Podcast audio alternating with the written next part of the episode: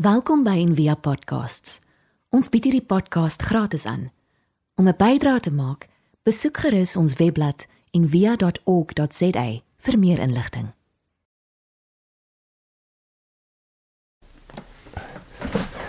Jy kan op twee jy kan op twee maniere lewe. So of so. Jou hart kan hom toemaak en jy kan jouself beskerm teen hierdie lewe en teen die pyn wat jy is. En dit is vreeslik klein lewe want dit is net jy wat daar binnekant is. Of jy kan so lewe. Jy kan ook jy, jy kan jouself vrymaak. So Paulus skryf in die gemeente van Korintiërs dan sê hy in julle binneste het julle dit te nou. Sy is net te klein. En dis die probleem, jy kan niks ontvang nie. Maar daar kan jy ontvang. So ons gaan die volgende paar weke gesels oor dinge wat ons hart toemaak en dan dinge wat ons harte oopmaak. En ons begin vandag met vrees. Hy maak so.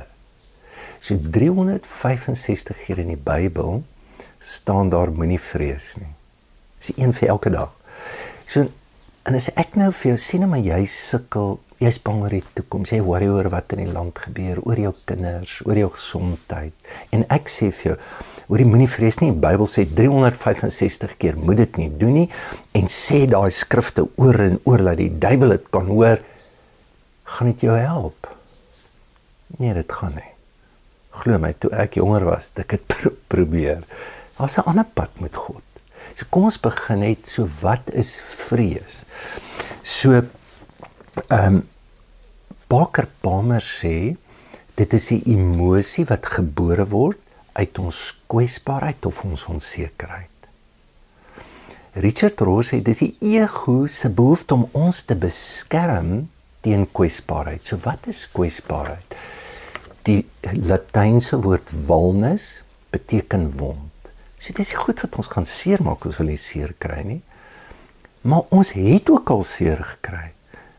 En as hierdie as hierdie my wond is, dan is dit soos 'n radar. Hy tel enige iets op om my en hy bring spanning na my lewe toe. So um, ons ervaar dit hierdie wond kan fisies wees, dit kan sosiaal wees, dit kan ekonomies wees, dit kan wat dit ook al wees. En ek sal op 'n manier altyd hierdie wond wil ek beskerm. Ek wil hom verdedig want hy moenie seer kry nie. Nou goeie vraag gaan wees, so wat doen vrees aan jou? Want ek dink jy moet dit besef. Dit is nie 'n speelmaat nie. So nou is daar hierdie mooi woord in 1 Timoteus 1 vers 7 want God het ons nie 'n 'n gees van vreesagtigheid gegee nie maar van krag, liefde en selfbeheersing. So 'n beter woord vir selfbeheersing is 'n sound mind. Dis 'n beter vertaling. So wat vrees doen, dit demp ons vermoë om te kan dink om reg te kan dink oor God, om reg te kan dink oor die besluite wat ons kan neem, om reg te dink oor hoe die wêreld regtig lyk. Die buitekant, so wat doen hy in die eerste plek? Drie fees. Jy word verlam. So die krag wat jy nodig het om dit te beveg, dit het jy nie. Nou korde jonges sê, vrees is die hartpuls van die magteloses. Ons kan omtrent alles in hierdie lewe sal min of meer iets wat jy kan doen. Ons kan na, ons kan daarmee deel. Maar nie met vrees nie. Jy kan as jy hartseer is, jy kan huil, jy kan daai trane opvang in 'n beker, jy kan dit uitgooi. Jy kan as jy bang is, kan jy skree, jy kan klippe gooi, jy kan maar nie met vrees nie. As nie regtig uitlaatklippe nie. En dis hoekom hy verlam jou. Dit is so nie, as jy skrik in daai oomblik wat gebeur is verlam. Nee. En die ander kant sou ek seker die waarheid is, is soos met liefde, die teenoorstelde van vrees verlam jou ook, maar wat 'n lieflike verlamming. In die tweede plek dit vergroot. So die brein vat 'n kognitiewe kortpad om goed te prosesseer. Hy's lui want hy's bang. En hy soek vinnig detail om net goed te bevestig, maar hy kyk nie na goed wat dalk in paradoks of in kontras staan of wat regtig gebeur het nie. Soos die verspieders. Hulle gaan na die beloofde land toe hulle kom terug. Hulle sê boys, uh uh ons gaan nie hier in nie. Hulle is reëse. Ek sê hulle is reëse en ons is springkaan. Sy so, nommer 1, hulle was nie reëse nie en die Jode was ook nie springkaan nie. Maar kan jy sien hoe vir ons oh, reëse. En is jammer want baie keer nooi God ons uit na goed toe en ons klim uit omdat ons absoluut lewe met 'n distorsie van 'n werklikheid en jy mis die beloofde land. Dan net in die laaste plek in in hierdie raak boos want die duiwel is die vader van alle leuen. So wat vrees doen, dit verstel jou realiteit die hele tyd. So julle onthou met die opstanding, toe staan nou wagte wat sien wat gebeur en hulle hardloop dadelik na die oorpriesters en vertel die storie wat doen die oorpriesters? Hulle fabriseer 'n leuen. So sê hulle hulle die lijk kom al sê. Jy sê so dis hoe hy werk en en ons glo ons dit en die gedeelte waarmee ons nou vandag sit is met die disippels in Johannes En jy kan nie glo dit was 3 jaar by Jesus. Hulle het wonderwerke gesien. Hulle het, jy, jy kan nie glo dit hulle kan hulle ooit bang wees. Hulle behoort nie. En dan na die dood waar sit hulle? Toegesluit agter deure. So jy word 'n gevangene daar. Jy sluit jouself toe en daar sit jy. So gaan my hart oop. Ek wil afsluit met drie goed. So Jeremia sê you can't heal a wound by saying it's not there. So wat jy moet doen is jy moet sê hier's hy. Jy moet hom you, you must name it. Kyk met leierskap vir my is die definisie van leierskap it's to define reality. 'n profeet in die Bybel, dit het niks met fortuinvoortellery te doen. Dat ek onthou met COVID was dan mos hierdie stem is die einde van die wêreld. Dan lees hulle Bybeltekste en en is nou 'n profeet doen nie dit nie. 'n Profeet het die vermoë om die realiteit wat is te definieer. Hy gee nie datums oor moontlike goed, dis fortuinvertellery. To define reality, dis in hier en nou. En hoe hierdie realiteit jou toekoms gaan impakteer. Dis waar profeet op staan. En ons moet dit hoekom wat gebeur as jy dit 'n naam gee, as jy kan sê dis dit. Dan vergroot hy maar nie meer so groot nie. Hy verlam jou nog, maar hy vat jou nie na totale verlamming nie. Hy hou jou weg van die totale leuen wat hy in jou lewe bring. So Richard Ross sê hy sê not everything can be fixed or cured but should be named properly. Dis wat die krag lê. James Hillman het gesê a symptom suffer most when it doesn't know where it belongs. So waar hoort jou vrees? Daai simptoom, waar waar hoort? Want dit is deel van jou. Dis nie iets wat jy moet veg en besweer en sê jy vir my waar hoort hy? Hoort by God om dit oor te kan gee.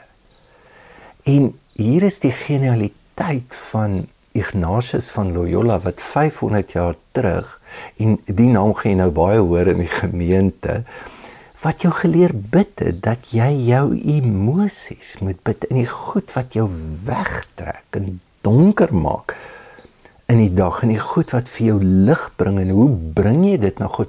Dis eintlik 'n ander manier om te doen wat hierdie sielkinders of slim mense vir vir ons probeer sê. En so te loops ehm um, volgende week met insig praat ons een keer oor hoe om te bid. Dan gaan ons spesifiek kyk na die eksamengebede wat of 'n gebed wat ehm um, Ignatius geleer het. Maar wonderlike manier om dit in gebed te prosesseer. En dan net die tweede ding, die laaste ding. As ons kyk na Getsemane, is Jesus verskriklik bang en hy vrees. Maar hy's nie bang vir die vrees om bang te wees nie, want hy hy was bang. Hy ek ek bedoel hy Hy het dit geken, maar ek dink dis sy vrees is nie oor die vrees nie, sy vrees is oor wat vrees doen en hoe vrees ons realiteit definieer of hoe vrees ons 'n naam gee hoe vrees ons wegvat van wie ons is en wie God is. Dat oor jy sal dit nooit kan maak nie oor jy is nie sterk genoeg nie oor die God is nie by jou nie. En in daai ongelooflike stryd ek bedoel as hy bid sê Vader papi. En die hele storie in Getsemane is 'n ongelooflike keerpunt veral met die vrees waarmee hy sit en wat hy in sy lewe dra.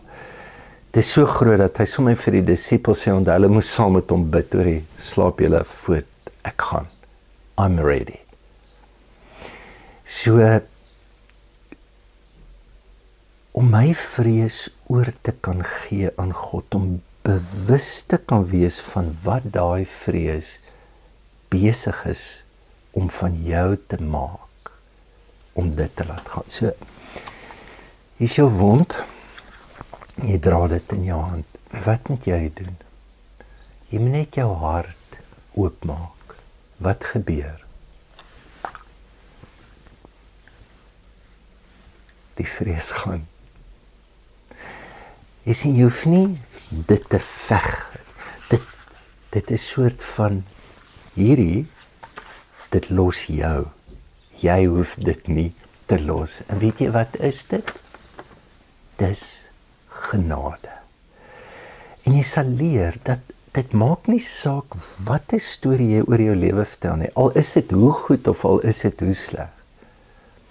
God se genade en dit wat hy oor ons vertel is net baie baie groter. Kom ons vra die Here daarvoor om ver oggend daardie vrees wat jy het net oor te gee.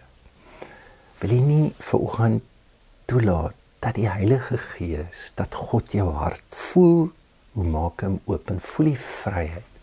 Voel ook dit wat uitval. Here, dankie dat U ons harte kan oopmaak. Amen. Dankie vir die saamwees en baie dankie vir julle ondersteuning ook. As jy nou so voel, dan kan jy op SnapScan iets gee en loer gerus op ons web. Ehm um, daar's baie maniere hoe jy kan gee, maar belangriker ook waarvoor jy gee.